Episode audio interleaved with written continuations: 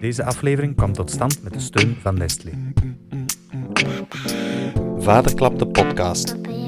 Recht in je oor. Rust hier in mijn hart, En natuurlijk verwelkomt Vaderklap ook mama's. papa. Vandaag klappen we met Wim van Vaderklap en Katrien, welkom eerst en vooral in de studio's van Q Music, waar we mogen opnemen dankzij Nestlé. Katrien, ik begin meestal met de vragen van eh, mijn grote voorganger Paul Jambers. Wie ben je? Wat drijft jou? Wat brengt jou hier? ik ben eh Katrien Heugens. Ik ben eh, mama van eh, twee mooie dochters. En eh, wat brengt mij hier? Eh, ik kom vandaag spreken over voeding, want ik ben diëtiste. En eh, we gaan ja, iets dieper ingaan op het meer eh, plantaardige eten vandaag. Meer plantaardig eten. Ik denk dat we daarmee heel erg aansluiten bij een, een heel grote beweging in de maatschappij. Hè. Mensen zijn op zoek, mensen willen goed doen, willen, willen het juiste doen. En dan is zo'n een, een woord dat heel vaak bovenkomt, flexitariër of flexitarisme. Wat is flexitarisme? We zullen misschien eerst een beetje theorie zeggen. Wat is flexitarisme? Is eigenlijk de samentrekking van twee woorden flexibiliteit en vegetarisme. Dan komen we zo aan flexitarisme. En we mogen zeggen, de flexitariër is eigenlijk een beetje de omnivoor van de 21ste eeuw, die zowel plantaardige als dierlijke voedingsmiddelen eet. Dus wat, wat is het grote verschil met de trend van vegetarisme? Is dat bij de flexitariër eigenlijk niks verboden is van voeding, maar dat ze eigenlijk gaan trachten, ehm, vooral omdat zij ook dat ecologische aspect in hun achterhoofd hebben, om minder dierlijke producten te gaan eten. Ja. En zo eigenlijk enerzijds op vlak van milieu, maar anderzijds ook op vlak van hun eigen gezondheid op lange termijn hun steentje bij te dragen. Het is eigenlijk de optie, we mogen alles, maar we kiezen voor elk ding bewust. We Absoluut. laten het bewust een keertje vlees en we vervangen dat door bepaalde groenten of andere producten. Ik denk dat dat een beweging is die bij heel veel mensen op dit moment is. Voor mij persoonlijk ook. Ik probeer er een punt van te maken om minstens twee, drie keer in de week vegetarisch te eten. Maar ik kan ook enorm genieten van die steak op de barbecue met een peperroomsausje. Ik moet afronden, want ik krijg al honger als ik eraan denk. Mensen willen dat graag, mensen doen dat graag, mensen kiezen daar bewust voor. Mensen hebben kinderen. Is dat een probleem als je dat ook bij kinderen doet? Zijn daar voordelen aan? Ehm, waar moet je op letten? Het is effectief. Hè. Het is een duurzaam voedingspatroon. En mensen willen dat natuurlijk graag doortrekken op het bordje van hun baby en hun peuter. En daar is absoluut niks mis mee, zolang je natuurlijk eh, van de basis blijft dat je voldoende variatie brengt in het eetpatroon van je kleintje en voldoende voeding geeft, zodanig dat je babytje of je kindje goed kan groeien. Ja? Maar in C is er niks mis met dit voedingspatroon of deze trend hè, door te trekken naar het bord van, eh, van je kind. Het is niet zo dat een baby elke dag een halve kilo eh runs gehakt nodig heeft, bij wijze van spreken. Nee, absoluut, absoluut niet. En in C, vlees hebben ze nodig hè, voor de aanbreng van ijzer en bijvoorbeeld vitamine B12. Je kan ook die, die, die vitaminen en mineralen ook via andere voedingsmiddelen aanbrengen. Dus door dat één of twee keer of drie keer in de week te vervangen door iets plantaardig, gaat dat zeker eh, geen kwaad kunnen. Zolang je effectief kiest voor een gezond, gevarieerd voedingspatroon. Ja, onze, onze trouwe luisteraars die hebben onze vorige podcast ook al gehoord, was ook met Katrien. En daar viel het woord ijzer regelmatig. Hè. Kinderen hebben, of zeker kleine kindjes, hebben veel ijzer nodig om te, zich te ontwikkelen, om te groeien. Ik hoor u zeggen, ze hebben eh, soms ook vlees nodig voor onder andere dat ijzer en andere mineralen, maar we kunnen dat ook vervangen door plantaardig. Zijn er daar voedingsmiddelen die beter zijn of, of geschikter zijn in dit geval? Ja. Het belangrijkste is wel dat we natuurlijk ook wel gaan, gaan vervangen. Ja, want zoals ik er juist zei, ze hebben die mineralen en die vitamine wel echt, echt nodig. Dus we moeten ook wel echt gaan vervangen. En dat kan je doen door bijvoorbeeld peulvruchten te geven. We spreken hier over eh, linzen, over kikkererwten. Dat kan gerust ook aan een babytje gegeven worden. Natuurlijk best ook wel ge- gestoomd en gemixt. Ja. Ehm, maar dus dat zijn voedingsmiddelen die absoluut ook wel binnen het menu van een baby of een jong kind passen. Ja. Zeker wel. Ja. Nu, ehm, het, het feit is wel, als we kijken naar ijzer, ja, moet ook aangebracht worden, wordt vaak via, via vlees aangebracht. We kunnen natuurlijk ook daar kiezen voor, voor groene bladgroenten. Ja, die bevatten over het algemeen ook veel meer ijzer in vergelijking met andere groenten. Ja. Dus van die combinatie te maken en zo ga je eigenlijk voldoende, voldoende geven. Het is ook niet, dat is het voordeel van dat flexitarisme.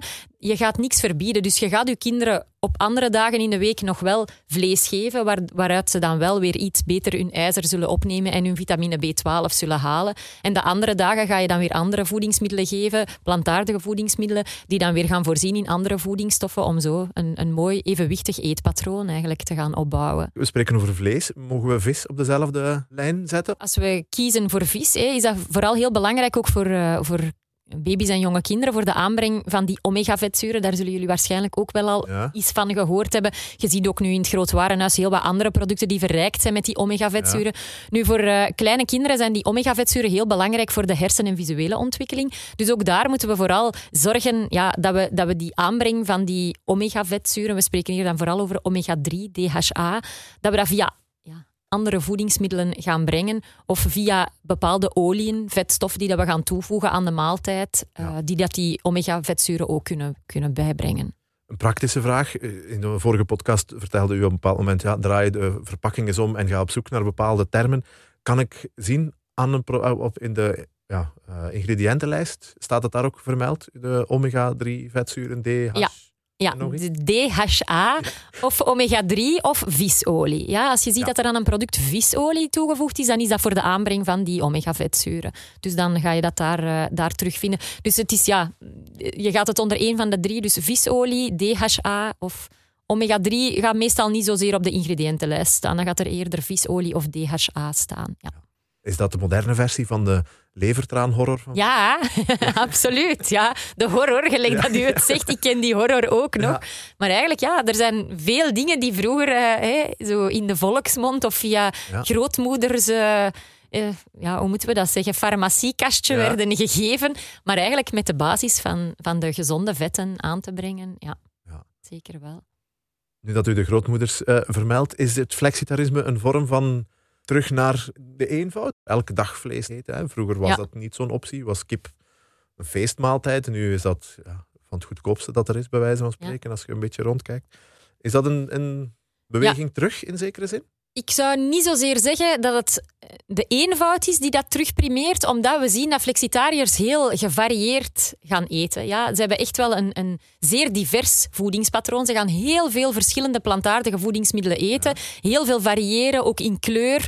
Om, om voldoende vitaminen en mineralen aan te brengen. Want dus bijvoorbeeld, ik, ik haalde daar juist aan, die groene bladgroenten zijn dan goed voor, voor je ijzeraanbreng bijvoorbeeld. Maar je hebt dan andere, andere ehm, groenten, de rode en dergelijke, die dat dan weer andere vitaminen en mineralen gaan aanbrengen. Dus een flexitariër is heel bewust bezig met welke voeding gezond is en welke voedingsstoffen hij uit welke voedingsmiddelen kan halen.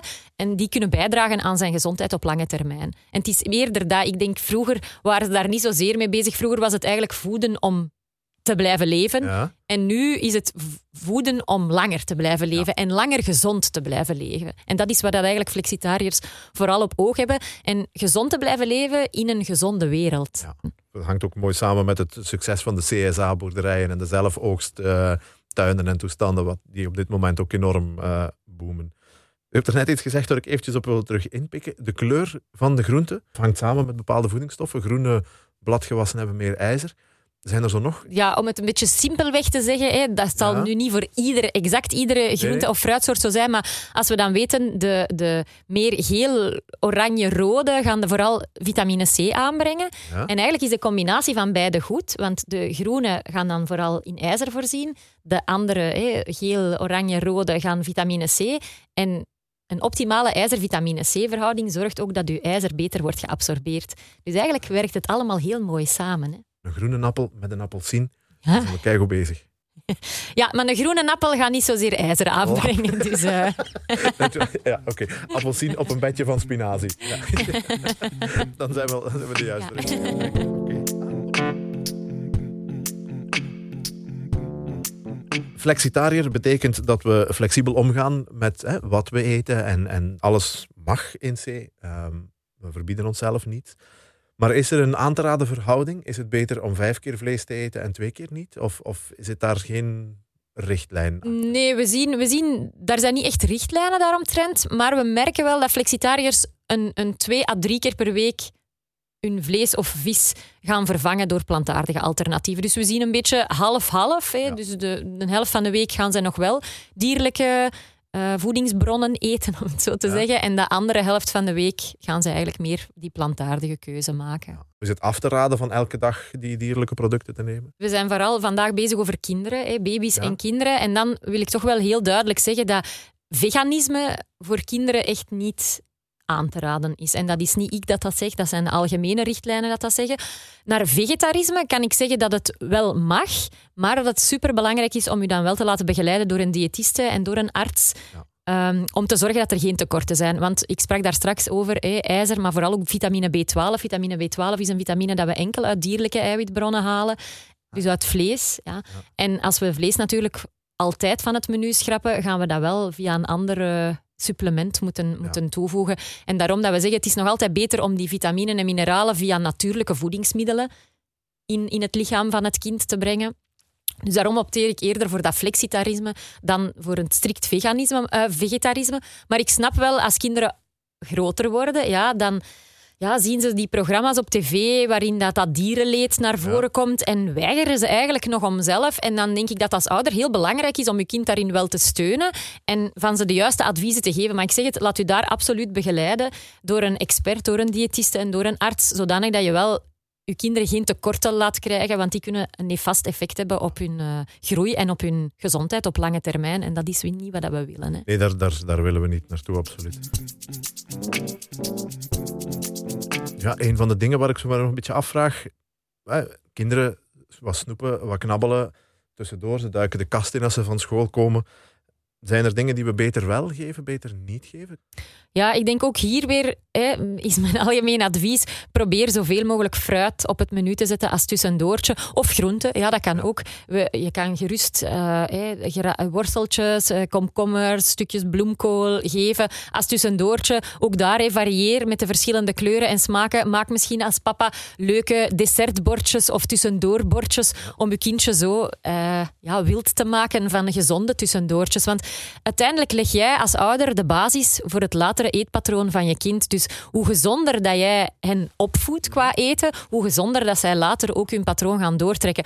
Als jij zelf ja, weinig fruit geeft aan je kind of zelf weinig fruit eet, dan ga je niet verwachten dat je kind later alle dagen fruit op zijn menu gaat zetten. Als jij ziet dat er thuis altijd een groot gevulde fruitschaal staat, dat fruit eigenlijk iets is dat ze ook niet moeten vragen als ze dat graag willen, dat ze dat wel mogen nemen terwijl in de snoepkast zitten voor een koekje, dat dat wel moet gevraagd worden, dan merken kinderen ook dat het verschil is met iets gezond en, en dat ze daar wel naar mogen grijpen en iets ongezond eh, niet. Maar ik zeg het, hè, blijf daar gewoon een keer zondigen is absoluut wel toegestaan. Hè. Het moet eh, Het heeft geen ja. zin om, om alles te verbieden. alles nee. te verbieden, want dan ontstaat er op een bepaald moment toch een tegenbeweging. Ja. Dat ze zeggen, en Zo is dat. mijn eh, chips achterstand Ja, ga ik zo inhalen, bij wijze van spreken. Ja. ik merk het zelf ook wel als ik aan het koken ben. Ik, het, is, het is gevaarlijk van dan de kinderen in de keuken te laten, want een helft van uw voorgesneden groenten, die zijn weg.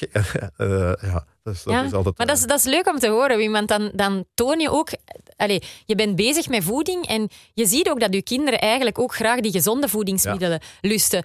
Het feit is gewoon, ja, als je ze de keuze geeft, gaan ze vaak kiezen voor het meer ongezonde, omdat ja, dat, dat geeft natuurlijk andere prikkels. Maar de gezonde dingen, als ze keuze hebben tussen twee dingen die gezond zijn, zullen ze zeker ook iets gezond Ja. kiezen. En dat is het, het leuke daaraan. Ja, maar laat ze kiezen tussen, tussen dingen, maar laat ze kiezen tussen gezonde dingen.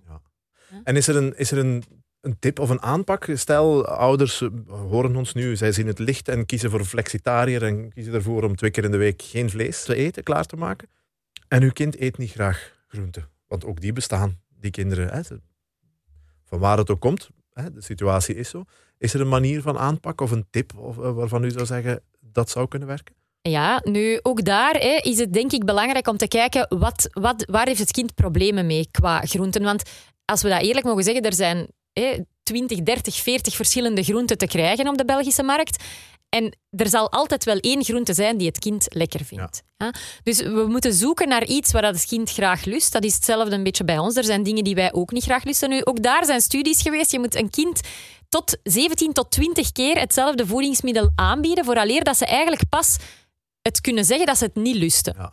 Ja, dus het kan zijn. Het is allemaal nieuw. Hè? En ook de sensatie in hun mond, hoe dat iets proeft, hoe dat iets een nasmaak van iets, hoe dat iets voelt in hun mond, is voor ieder kind nieuw. En niet ieder kind heeft het daar even gemakkelijk mee. En veel ouders zeggen dan, aan mijn kind lust dat niet. Ja. Maar je kunt niet zeggen na één keer dat je kind dat niet lust. Wat belangrijk is, is van te kijken, oké, wat lust mijn kind wel? En van bijvoorbeeld daarbij iets nieuw te proberen. En van te Ah, ja. zeggen, oké, hè, we hebben twee derde van de portie is iets dat ik weet dat mijn kind zeker lust. En we gaan nu iets nieuw.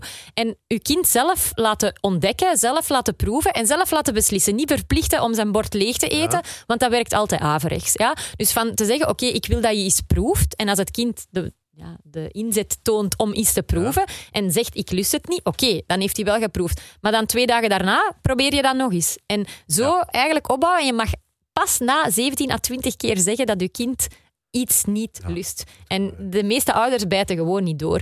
Maar ik denk, Wim, het is heel belangrijk om vooral zelf. Je zegt het zelf, hè, mijn kinderen komen bij mij staan als ik aan het koken ben. Als je zelf de gezonde eetgewoonte geeft, ga je zien dat dat meestal voor de Ja. kinderen wel. En zie je echt dat een kind pertinent voeding weigert, dan denk ik, dan is mijn advies daar, zoek daar hulp Ja. bij een, eh, een kinderpsychologe of een diëtiste om te helpen, want dan is er vaak ook mondmotorisch of dergelijke of eh, psychologisch iets aan de hand, waardoor dat je kindje pertinent bepaalde voedingsmiddelen gaat weigeren. Ja, het, is, het is een bijzonder gegeven. hè. Kinderen die eten. Mijn, mijn eh, jongste zoon heeft op een bepaald moment geweigerd om groene groenten te eten. Alles wat groen was, moest hij niet meer hebben, behalve komkommer. Dat was dan ander groen, denk ik. Maar alles wat groen was, moest hij niet meer hebben. Dat heeft een tijdje geduurd. Eh, en op een bepaald moment is hij terug groene groenten beginnen eten. Dus het is een fascinerende wereld wel, vind ik. eh, het, Ja.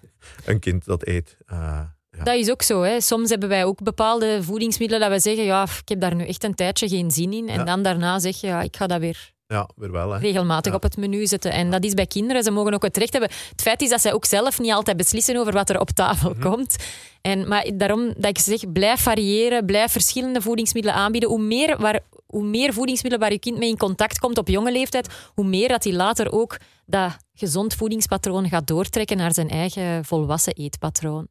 Wat ik ook wel eens hoor, ehm, maar stuur me bij als we te ver afwijken, is dat eh, gezinnen een weekmenu opstellen. En dat de kinderen elk één dag mogen invullen, uiteraard. Het mag niet altijd frieten, kebab en eh, afhaalpizza zijn. Ehm, kan dat ook een manier zijn om, om ze aan te zetten tot proeven, tot proberen? Eh, Ja, absoluut. Want je maakt hen mee één dag baas, om het zo Ja. te zeggen, over het menu. Dus die dag beslissen zij zelf wat dat jullie gaan eten. En kan dat misschien ook zijn dat dat iets is wat dat de ouders niet altijd lekker vinden. Dus iedereen draagt zijn steentje bij. Of je kan dat zelf twee dagen doen. Dat je zegt, hé, voilà, mama en papa kiezen twee dagen of, eh, of, hè, om het even hoe. En dan de kinderen hebben de rest van de dagen Ja. de keuze. Zolang dat ze bijvoorbeeld ook de keuze hebben uit een gezond menu. Want je zegt het zelf, het is niet de bedoeling dat dat dan altijd meeneem afhaal Chinees of meeneem pizza of frieten van de frituur kan zijn. heel lekker zijn trouwens. Voilà. Maar de- dat je eigenlijk de keuze hebt van, voilà, je kan hem misschien ergens een beetje guiden en zeggen, dit zijn de verschillende gerechtjes waar je een keuze toe hebt. En jullie mogen kiezen uit die gerechtjes. Maar dan ga je zelf al sturen in een richting dat het wel een beetje gezond is. Maar dat is zeker wel een idee. hè. Betrek ze vooral bij alles wat je doet rond de voeding. Zo leren ze ook eh, om de gezonde keuzes te maken. ja. Eh, kinderen gaan naar school, moeten smiddags bokens mee hebben. Ook in het beleg is er een enorme keuze. Zijn er daar do's en don'ts? Ja, ik vind het zelf altijd, als ik dat zag bij mijn kinderen vroeger, zo zonde dat er nog altijd kinderen alle dagen met witte bokens met choco naar Ja. school komen. Dan denk ik, ja, dat is een beetje ook gemakzucht Ja. hè, van, van dat te doen. Dus eh, je hoeft zeker niet altijd boterhammen met, eh, met, met, met beleg, eh, vleesbeleg te nemen of Ja. kaas. Maar je hebt daar absoluut heel, heel gezonde alternatieven. Ik spreek dan bijvoorbeeld van hummus. Ja, je hebt tegenwoordig heel veel verschillende kant en klaar, maar je kan dat ook gemakkelijk zelf maken en eigenlijk de smaken toevoegen die dat je zelf wilt. En het voordeel is, hè, hummus wordt gemaakt met de basis van kikkererwten. En om het even wat dat je daar van voeding of van groenten of fruit aan toevoegt, ga je eigenlijk zelf de smaak die je graag wilt aan, aan je beleg geven. En zo ga je eigenlijk een plantaardig, een flexitarisch alternatief geven op het vleesbeleg dat je normaal gezien eh, zou meenemen. En geef je de kinderen ook de mogelijkheid van, van op die flexitarische manier hun bokens te maken. Het is, het is toch wel een, een beetje een, bewuste keuze die je als ouder moet maken. Hè? Dus als je kiest om flexitariër te worden, het is, het is een keuze met, met wel wat impact op de dagelijkse gang van, van zaken. Ehm, waarbij we eh, ja, moeten aanvaarden dat dat niet altijd vanzelf van de eerste keer perfect loopt en, en niet elke week even goed zal gaan, denk ik. Ehm, maar wel een keuze die, die ja, gezondheid, eh, wel die goed is voor gezondheid, maar ook voor milieu, klimaat, heel dat verhaal ehm, Ja. valt daar mooi eh, onder, hè, of heeft daar mooi mee te maken. Zeker. En ik denk dat we ook moeten het, het wijder zien dan enkel te denken: oké, we gaan hier eh, flexitarisch eten, dus ik ga vanaf morgen het vlees weglaten uit mijn menu. Ik neem gewoon aardappelen, pasta, rijst met groenten. Dat is niet wat een flexitariër doet. Hè. Dus het is echt belangrijk om die plantaardige eiwitbronnen, hè, bijvoorbeeld quinoa, bulgur, vandaar peulvruchten, kikkererwten, linzen, van dat als alternatief te zien voor, voor hetgeen wat dat je eigenlijk gaat weglaten, het vlees, de vis. En niet enkel te zeggen, ik laat het vlees of de vis weg, maar nee. ik ga het niet vervangen. Dus van wel een volwaardige maaltijd op te bouwen. En dat is wat dat flexitariërs heel bewust gaan doen. U had het er net ook over dat het ehm, belangrijk is om op het juiste moment ook eens eh, deskundig advies te gaan halen bij huisarts, apotheker of diëtisten. Wat we ook al wel horen is dat er dan eh, druppeltjes, eh, vitaminedruppels of zo voedingssupplementen aangeraden worden. Hoe is uw kijk daarop? Wat, wat, wat is dat aan te raden? Doen we dat als ouder best ook? Of, of geven we het alleen voor de kinderen? Ik ga eerst beginnen over het, het enige vitamine dat belangrijk is om toe te dienen bij kinderen. En dat is vitamine D. Ja, dus dat is noodzakelijk. Dat moeten al onze kinderen krijgen, ongeacht eh, de leeftijd. En, eh, dus dat is superbelangrijk. Dat, mo- dat moet voor ieder kind als supplement gegeven worden. Mag ik daar heel even op inpikken? Ja, Dus vitamine D, in mijn hoofd, is dat de zon? ja absoluut. Yes. Ja, ja Ehm, helemaal maar het is wel belangrijk dat we de kinderen dat ook effectief als een supplement... Ja, gaan bijgeven, want ze, we zien dat onze kinderen dat niet voldoende uit hun voeding kunnen halen. Ja, Ook omwille van het feit dat er ja, te weinig zonlicht is in België, zien we dat onze kinderen daar echt wel nood aan hebben. En is het belangrijk, eigenlijk voor volwassenen zou het ook niet slecht zijn gedurende de wintermaanden om eh, wat extra vitamine D in te nemen. Maar dus bij kinderen is het absoluut noodzakelijk om, eh, om dat te geven. Eh, die adviezen worden ook overal Ja. gegeven door de, door de artsen en de instanties. Ehm, tot de leeftijd van zes jaar zeker een supplement van vitamine eh, D bij te geven. Dus dat is het enige supplement waarvan ik zeg dat is belangrijk om dat als su- supplement in druppelvorm of via Ja. tabletjes bij te geven. Ehm, de andere supplementen ga ik zeggen, heb ik eigenlijk liever dat je dat gewoon via de voeding. Ja, want via de voeding is je opname nog altijd veel beter dan dat je het via tabletjes gaat innemen. Eh, er zijn heel veel voedingsmiddelen die heel veel vitamine en mineralen aanbrengen. En dus zeker daar, een flexitarisch dieet gaat heel gevarieerd zijn, heel gediversifieerd. Ja. En is juist als je dat dieet toepast, ga je eigenlijk voldoende vitamine en mineralen krijgen en heb je zeker geen extra supplementen nodig. Veel mensen denken soms, oh ja, mijn kind is zo wat bleekjes, is in de winter, ik moet toch wel wat extra geven. Maar eigenlijk via de gewone voeding, gezonde voeding, fruit, groenten, ehm, plantaardige alternatieven, ga je ge- genoeg mineralen en vitamine aanbrengen voor je kindje die gezond zijn. Dus het kan in C geen kwaad, maar eigenlijk is het beter om je kind ook direct te leren dat hem zijn vitamintjes uit zijn voeding moet halen en niet via een extra pilletje dat ze bijkrijgen.